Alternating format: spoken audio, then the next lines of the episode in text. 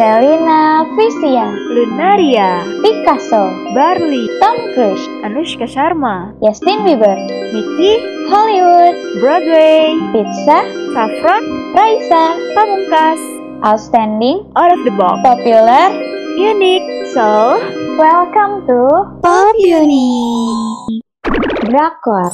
Anim, Halo semuanya, apa kabar nih? Wah, selamat tahun baru. Kita udah di tahun 2021 nih. Dan seperti biasa, gue Bena dan partner gue Mote. Bener banget, kita berdua tetap nemenin kalian nih di tahun baru ini dan membawa sihir baru tentunya. Hari ini sihirnya masih dengan bahasa Indonesia ya. Karena kita bingung, anime itu bahasa lainnya apa ya, Teh? Mm-mm. Jadi ya udah, uh, sihir hari ini adalah drakor dan juga anime, gitu. Nah, terus Teh, hari ini nih kita bakal ngasih apa aja sih di sihir kita sekarang? Oke, ini jadi eh, kan kita judulnya drakor sama anim ya. Jadi kita mau Mm-mm. kasih kalian rekomendasi drakor-drakor sama anim-anim yang pastinya eh, seru dan menghibur kalian. Eh, apalagi mungkin sekarang lagi liburan kali ya. Mungkin kalau kalau biasanya kita keluar ke mana gitu kan tahun baruan. Sekarang kan nggak bisa, jadi kayak kita di rumah aja sambil nonton drakor, sambil nonton anim bareng keluarga kayaknya seru juga gitu kan. Nah, Den, Hmm? lu kan eh, Miss Pop nih, lo ada di tim mana nih drakor apa anim? Oke, kalau gue sebagai Miss Pop tentunya di drakor dong ya, karena gak tau ya mungkin drakor lagi hype-hype-nya sih sekarang, jadi mungkin lebih cocok sama gue. Kalau lo masih anim dong, kalau gue udah ngambil drakor ya. Iya, betul sekali. Padahal dulu tuh kalau gue inget-inget ya sekarang dulu sebelum drakor banyak, kita tuh lebih terpapar sama anim-anim Jepang gak sih sebenarnya Iya. kartun-kartun Jepang? Bener bener bener. Apalagi waktu zaman masih kecil ya kayak Doraemon, Shinchan yang gitu-gitu juga kan masuk ke Banyak. eh, eh, ya kartun Jepang yang menghibur kita waktu kecil gitu. Sementara sekarang tuh kayaknya anak kecil juga udah pernah nonton drakor gak sih Teh? Iya sih kayaknya. Mungkin banget.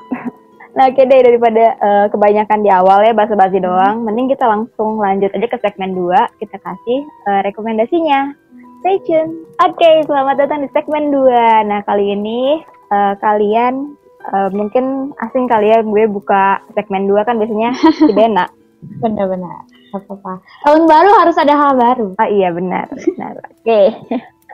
Oke, jadi gue mau kasih tiga rekomendasi anim yang seru. Nah, ini tuh animenya tuh ada yang udah lama dan ada yang baru keluar juga. Oke, langsung aja deh. Yang pertama namanya Code Geass. Jadi tulisannya kode dalam bahasa Inggris pakai C, kode sama GS. Tulisannya G E A S S. Nah, jadi anime ini itu ceritanya di tahun 2010 latarnya di mana Jepang saat itu tuh diduduki oleh Britania atau Inggris gitu. Jadi Inggris tuh istilahnya kayak menjajah Jepang gitu dengan kekuatan teknologi yang bernama Nightmare Frame. Nah, karena dijajah Inggris, dijajah Britania, jadi warga Jepang itu ke- kehilangan hak mereka, harga diri, kebebasan, bahkan nama mereka pun yang nah, biasanya kan nama Jepang itu identik ya, Iya benar. kayak khas Jepang banget gitu. Nah, mereka tuh harus mengganti nama mereka jadi nama kebarat-baratan gitu. Oh. Nah, jadi kalau tentang ceritanya sih tokoh utamanya itu Lil Lilov. Aduh, gue nggak tahu bacanya gimana maaf ya kalau salah. Hmm. Salah lemprah ya. Oke, anggap aja kayak gitu. Hmm. Nah, jadi tuh dia sebenarnya keturunan Britania, tapi karena dia dibuang sama ayahnya, yang Hmm. mana eh, dia sama adiknya tuh ngelihat ibunya mereka tuh dibunuh gitu. Jadi si Leloh ini jadi benci sama ayahnya dan pengen ngebebasin Jepang dari pendudukan Britania gitu. Nah dia tuh karena dia pengen balas dendam itu dia pakai namanya Jis itu. Jis itu tuh kayak semacam jimat gitu deh dari mitologi Irlandia gitu. Jadi dia tuh punya kekuatan. Nah anime ini tuh ada tiga season. Kalau season pertama ini nyeritain tentang Britanianya menduduki Jepang dan perlawanannya si Lelah ini. Di season kedua kebalikan. Jadi Inggrisnya nyerang balik dan si sebelahnya ini sempat kalah tapi akhirnya dia kayak bisa bang bisa bangkit lagi lah gitu. Dan season ketiganya itu baru ada di awal tahun 2020 kemarin. Hmm, nice ya berarti dia tentang melawan penjajahan ya. Karena gue sering nonton anime-anime memang ada sebuah motivasi ya yang dikejar sama pemeran utamanya gitu. Jadi mm. ceritanya itu sampai si tokohnya yang mencapai hal yang dia pengen itu kerja keras dan lainnya Jepang banget gitu loh teh. Iya. Gue juga sering nemuin cerita-cerita dari Jepang tuh yang kayak gitu. Benar-benar. Kalau yang kedua nih namanya Hyouka. Nah kalau ini tuh kayak lebih tipe gue gitu Ben. Nah, apa kan, nih? Pasti detektif nih. Iya ya mirip-mirip begitu lah okay. ada misteri pemecahan kasus gitu hmm. namanya Hyouka nah jadi tuh ini kayak bukan dia nggak menyebut dirinya dia detektif, cuma dia kayak sering mencahin kasus aja si Oreki Hotaro ini di hmm. tokoh utamanya. Itu kayak tokoh-tokoh biasa kita temuin juga di cerita-cerita Jepang kayak yang cool, pendiam, gak banyak hmm. ngomong. Dia punya moto tuh bahkan aku tidak akan melakukan sesuatu yang tidak harus kulakukan. Tapi bila harus kulakukan maka akan segera aku selesaikan. Wah, mantep mantep. Jadi kayak nggak ya. mau terlalu berurusan sama something ya. Kalau misalkan emang itu harus ya gue pasti selesain gitu tanggung jawab. Uh -uh. Iya gitu. Hmm. Benar. Nah jadi tuh awalnya tuh si Hotaro Eruki ini dipaksa masuk ke klub sastra kayak eskul gitulah. Mm-hmm. Nah tapi karena dia nggak suka tapi dia harus gitu karena dipaksa kakaknya. Mm-hmm. Dan dia ketemu ketua klubnya itu namanya Eru Citanda, perempuan Eru Citanda tuh orekinya laki-laki. Nah jadi pas ketemu Eru Citanda ini yang ketua klubnya, dia tuh baru aja kena kasus. Nah jadi pas ketemu ketua klubnya ini, si Citanda ini baru aja dia kekunci di ruangan sekolahnya dan dia nggak tahu kenapa dia bisa kekunci. Nah hmm. akhirnya kasus itu tuh dipecahin sama Oreki. Nah, sejak saat itu dia mulai kayak mecahin misteri-misteri yang ada di sekolahnya gitu. Tapi nggak seberat Conan sih oh, iya, iya. Kalau Conan mau penjahatnya tingkat mafia ya, Bun. Kalau uh, uh. sekolah mungkin mirip. Oh, ini mirip marmut merah jambu. Jadi dia di sekolahnya oh. tuh ala-ala detektif gitu sama teman-temannya. Terus ujung-ujungnya ternyata oh, iya, iya. ceweknya punya first love gitu-gitu lah maksudnya mm. yang ringan-ringan di sekolah tapi menarik dia menarik kayak Wih, keren aja gitu, kayak detektif sekolahan. Nah, benar. Nah, oke, okay, yang terakhir nih, uh, ada namanya judulnya Jujutsu Kaisen. Oke, okay, nah jadi sinopsisnya tuh yang gue dapet dari internet, Jujutsu Kaisen itu dimulai dari tokoh utamanya, Yuji Itadori. Yang mana dia tuh makan jari Sunuka. Hmm. Sunuka itu tuh roh jahat gitu di hmm. uh, di daerahnya dia. Nah, karena dia makan itu jadi tuh katanya konsekuensinya karena dia makan roh jahat itu kalau dia nggak mati dia bakal jadi orang yang sangat kuat yang bahkan kayak nggak bisa ngontrol dirinya sendiri gitu loh kayak dikuasai roh jahat. Nah jadi singkatnya si Yuji itu yang makan jari Sunuka itu sama teman-temannya tuh berusaha buat ngelawan roh jahat itu. Hmm. Tuh. Nah tapi yang gue lihat di sini tuh bukan bukan cuma dari plotnya doang ya, tapi hmm. setelah gue cari-cari tuh ada kayak apa ya kayak ada nasehatnya gitu dari penulisnya. Jadi kayak di anime ini tuh e, bercerita tentang betapa tipisnya garis antara kebaikan dan kejahatan. Nah jadi e, penulisnya ini aku Tami nama penulisnya. Hmm. jadi menurut dia tuh nggak ada pahlawan dan penjahat yang murni. Hmm. gitu. Jadi menurut dia semua orang itu bisa menjadi baik dan bisa menjadi jahat tergantung dari perspektif mana yang kita lihat gitu. Iya benar. Kayak, kayak kebenaran itu tuh gak mutlak kebenaran itu milik siapa. Hmm, iya. Ini filsafat banget ya kayaknya. Aku pernah bertanyain di pas filsafat. Sebenarnya hmm, kebenaran hmm, nah, itu ya. menurut siapa gitu kan? Iya oh, kayak gitu. Secara dunia doang ya, nggak berkaitan dengan agama atau pedoman. Kayak sesuatu yang viral misalkan ada yang bilang itu buruk tapi ada juga bilang itu bagus-bagus aja gitu kan jadi tergantung perspektif orang nggak sih sebenarnya benar mm -hmm. atau tidak tuh nice iya. Nah, jadi tuh menurut dia tuh kayak nggak ada kesalahan dan kebenaran yang murni. Hmm. jadi nggak ada yang namanya kebenaran kebenaran moral yang absolut gitu. Jadi uh, gitu deh berakar-akar gitu. Gue juga kayak wah ternyata cerita di baliknya tuh lebih dalam lagi gitu dibandingkan dengan animenya sendiri. Benar, gitu. Ininya ya Apa? pemikiran penulisnya gak sih teh? Ternyata hmm. Itu tapi dia bungkus dengan kartun kan anime itu dengan sederhana tapi sebenarnya kompleks gitu. Nah iya gitu deh. Jadi gue kayak menyarankan tiga uh, anime ini karena yang pertama ini beda-beda ceritanya ya. Mm-hmm. Dari yang pertama itu tentang penjajahan, ada politik-politiknya. Yang kedua tentang misteri dan yang ketiga ini tentang roh jahat. Jadi kayak ada campuran supranaturalnya gitu deh. Nah, kalian pasti suka deh, gue jamin. Iya benar. Semoga kalian semua nonton ini ya. Berarti tadi udah tiga gantian gue ya sekarang mm -hmm. rekomendasi drakor.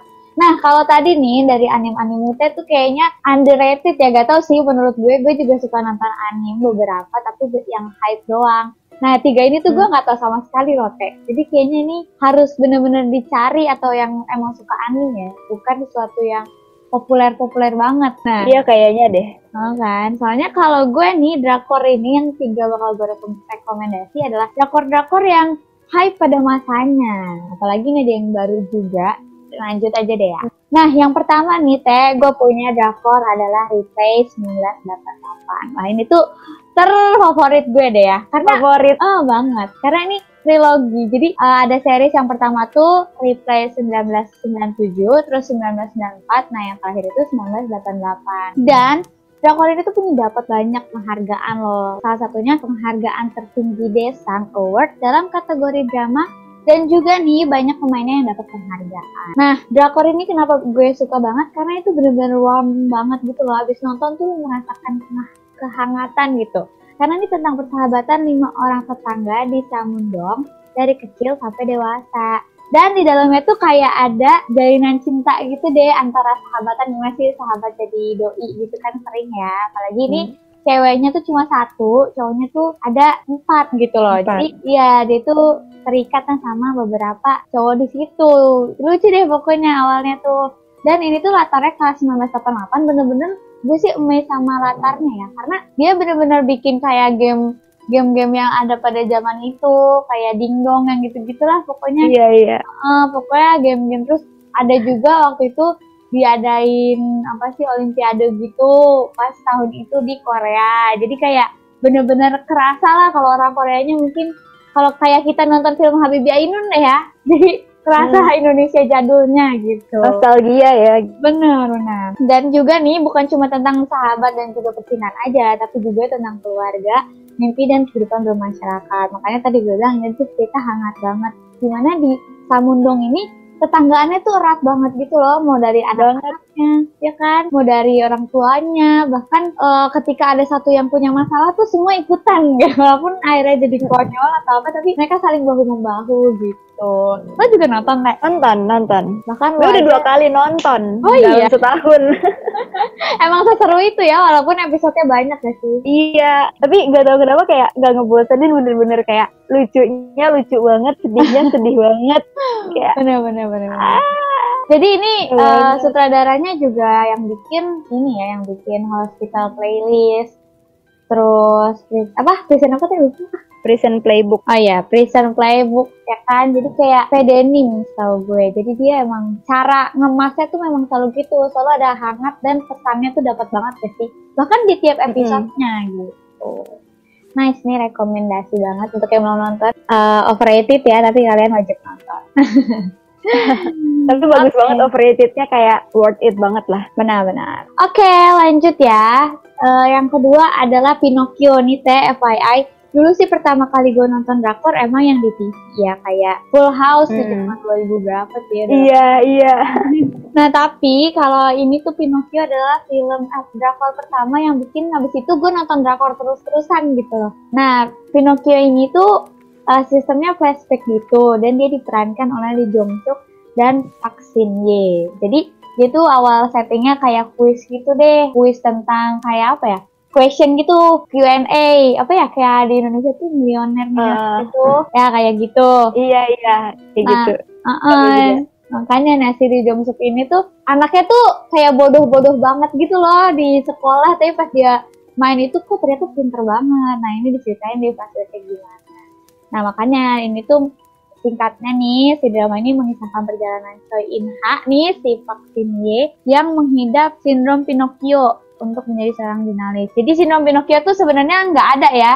jadi emang cuma dibuat doang katanya sindrom ini tuh dia gak bisa berbohong gitu lah sementara kalau jadi jurnalis atau jadi ya namanya suka dilebih-lebihin gitu loh kalau jadi presenter gitu.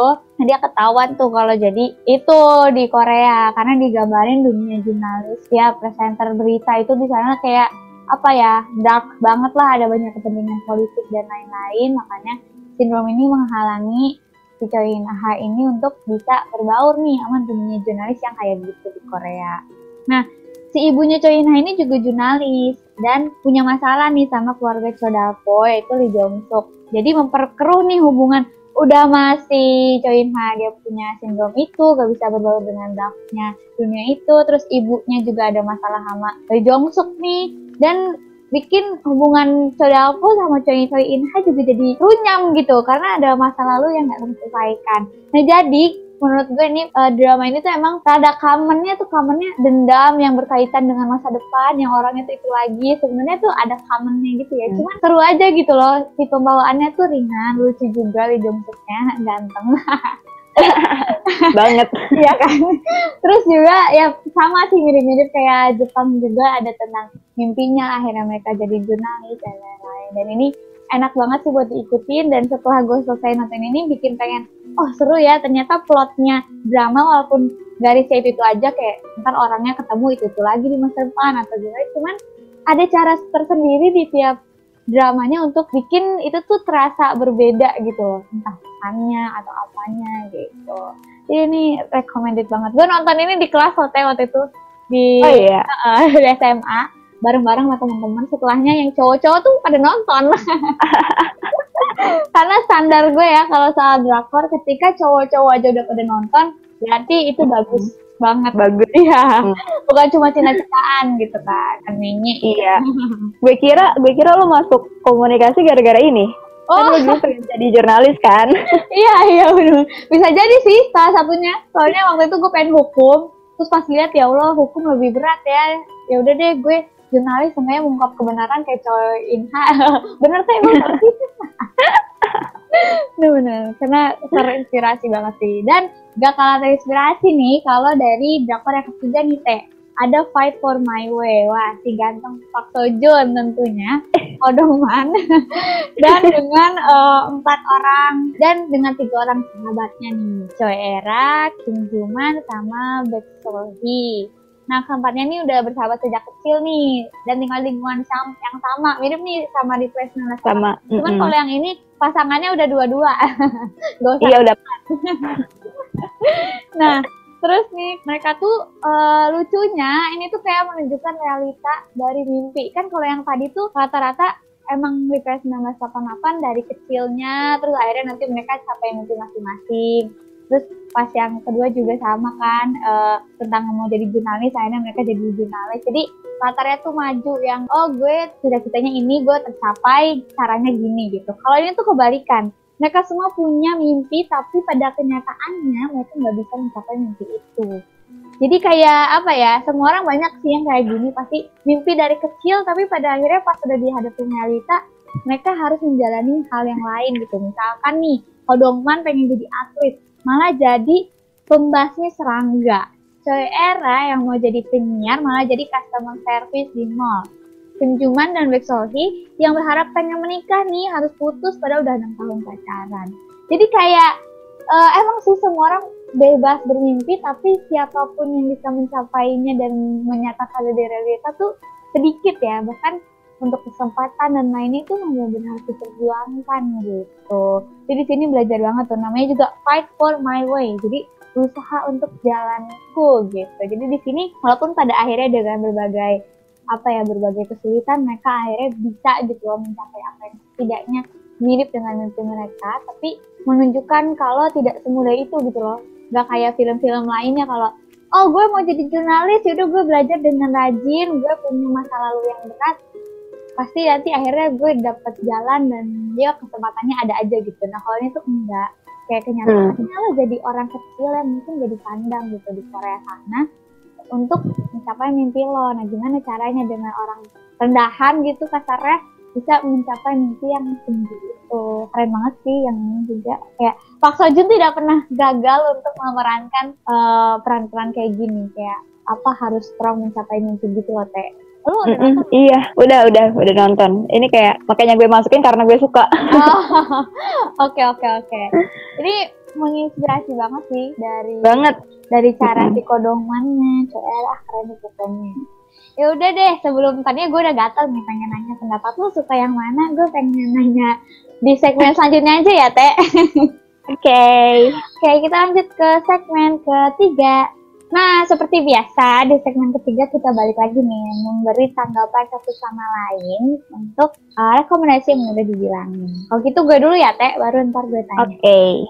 nah, yang pertama nih, uh, kalau menurut gue dari anime gue tuh suka banget semua film ya, genre apa pun. Jadi gue ngikutin semuanya. Cuman gue karena terlalu banyak yang gue suka, gue sukanya yang hype-hype aja, yang udah terbukti bagus hmm. gitu ya Teh. Kalau anime tuh bener kata Mute tadi ya kayak penggambarannya pasti rata-rata tentang yang itu loh ada balas dendam ya teh ada ada masalah yeah. awal tuh yang entah sama roh jahat tadi terus dia harus melawan pokoknya ada di awal tuh jelas gitu loh tujuan uh -huh. si anime ini tuh mau mencapai apa si tokoh utama tuh mau mencapai apa sampai berseason season ya tujuannya itu doang gitu loh iya iya jadi gue menghargai konsistensinya itu loh bukan kayak kadang di Indonesia kan ada ya seri sayang aja gitu dia nggak konsisten ceritanya jadi ke mana-mana gitu udah beda uh.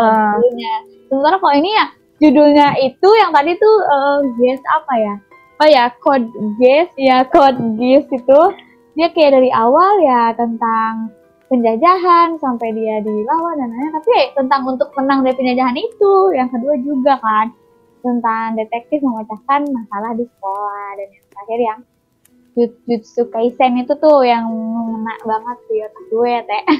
Karena mm -hmm. tentang benar dan tidaknya gitu. Jadi itu sih konsistensi terus juga moral-moral yang ditanemin tuh sama aja kan rata-rata kayak kerja keras. Terus ketika lo punya dendam jadiin good vibes gitu untuk motivasi lo.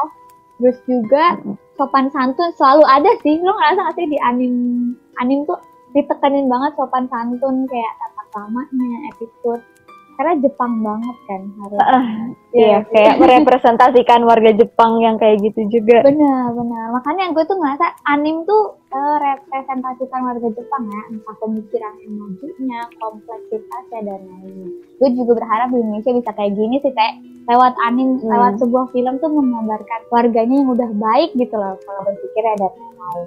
Nah terus untuk kalau favorit gue nih yang tadi karena yang membekas banget yang dua juga bagus cuma yang ini membekas banget karena lo ceritain latar belakangnya ya Jujutsu Kaisen. Walaupun hmm. dia tuh rada-rada goib ya sama roh jahat iya gitu. bener. Sih?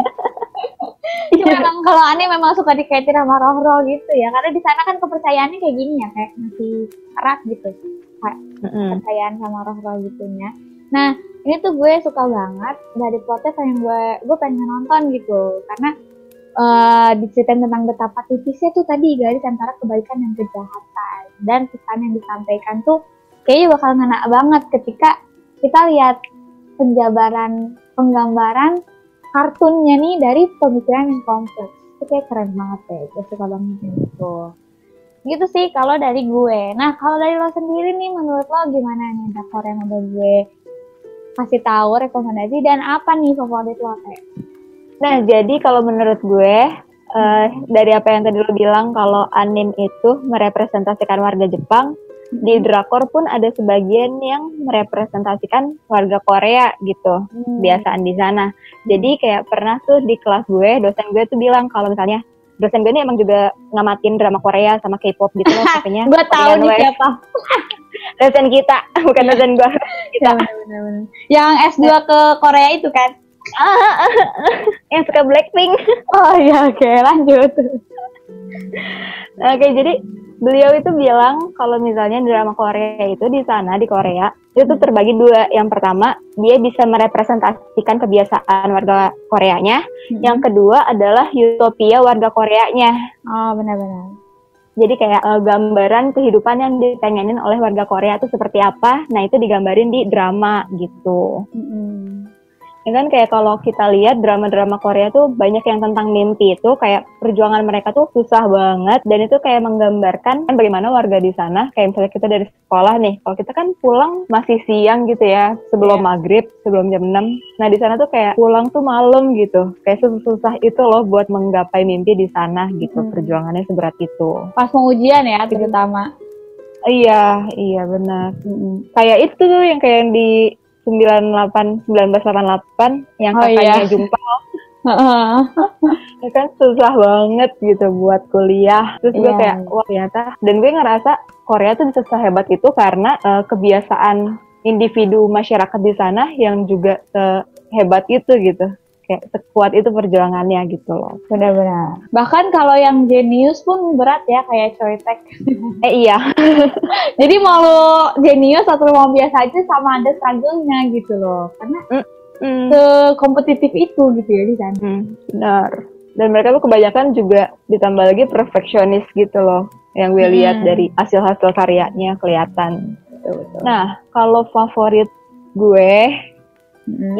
gue bingung soalnya tiga-tiganya gue suka gue udah pernah nonton semua Oh, oke. yang paling gue suka eh eh, 1988 replace 1988 Oke. Kenapa tuh? kenapa karena pertama pemainnya bukan gue bilang visual yang gak bagus ya cuma memang disesuaikan dengan zaman itu gitu Oh, benar, benar. kayak kita tuh kebanyakan ngelihat drama Korea tuh pengen ngeliat visual aktor aktrisnya yang cakep-cakep banget luar biasa ya Iya, Nah, benar. kalau Opa-opa di ya. situ tuh enggak nah, eh ya kan kalau di situ tuh enggak bahkan cetek yang yang kalau di luarnya tuh wah gitu pas gue yang sebegitu cakepnya Heeh. di situ tuh kayak jadi anak rada-rada gimana gitu ya terus Iya, sama- ya, denger tiba-tiba ngerokok aja. iya Aduh, ini ini bocoran banget ya kalau yang belum.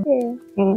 Bad boy ternyata. terus juga iya benar terus juga ya jadi tuh gue tuh tipikal yang jarang nangis kalau nonton film gitu kan walaupun Ah. filmnya sedih Nah. Nah tapi di Reply 1988 yang harusnya kocak gitu maksudnya sedihnya tuh ya udah Ah. sedih relatean gitu kan bukan yang kayak sedih Michael in Soul Number Seven yang sedihnya parah gitu Iya, iya, iya. iya. ini tuh gue bisa nangis gitu nah iya bahkan di episode satunya aja tuh gue udah nangis yang adegan Doksonnya ulang tahunnya dibarengin sama kakaknya Iya, iya, iya. itu gue kayak ih sedih terus gue nangis deh Cengeng.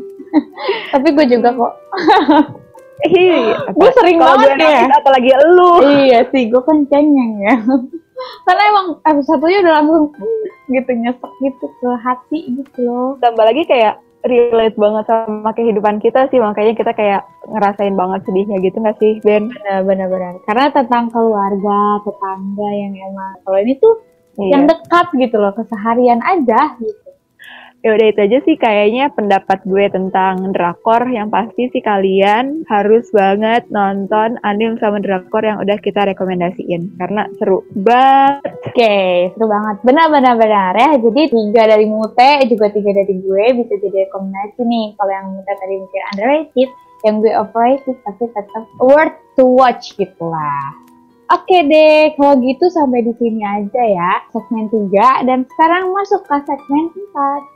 Nah, seperti biasa di segmen 4 gue bakal ngasih rangkuman nih dari apa yang kita obrolin hari ini. Seperti biasa, kita ngasih 6 rekomendasi nih, 3 yang anime, 3 juga yang drakor. Tadi udah dijelasin tuh sama Mute gimana kalau anime-anime tuh berbagai genre tadi ya, udah ada yang detektif, ada juga yang sama jahat, oh sama ada yang tentang penjajahan. Jadi kalian bisa nih tiga-tiganya dan juga seasonnya walaupun banyak, gue menurut gue kalau anime tuh nggak membosanin ya, karena dia pertama visualisasinya juga kan itu tuh kartun ya, sesuatu yang unik aja gitu loh buat ditonton menurut gue, jadi bisa banget diikutin. Dan tadi juga udah gue kasih rekomendasi tiga drakor walaupun overrated dan mungkin kalian udah tahu tapi kalian bisa tuh nonton ulang kayak Mute tadi. Karena ini pesan-pesannya tuh bisa dapet banget.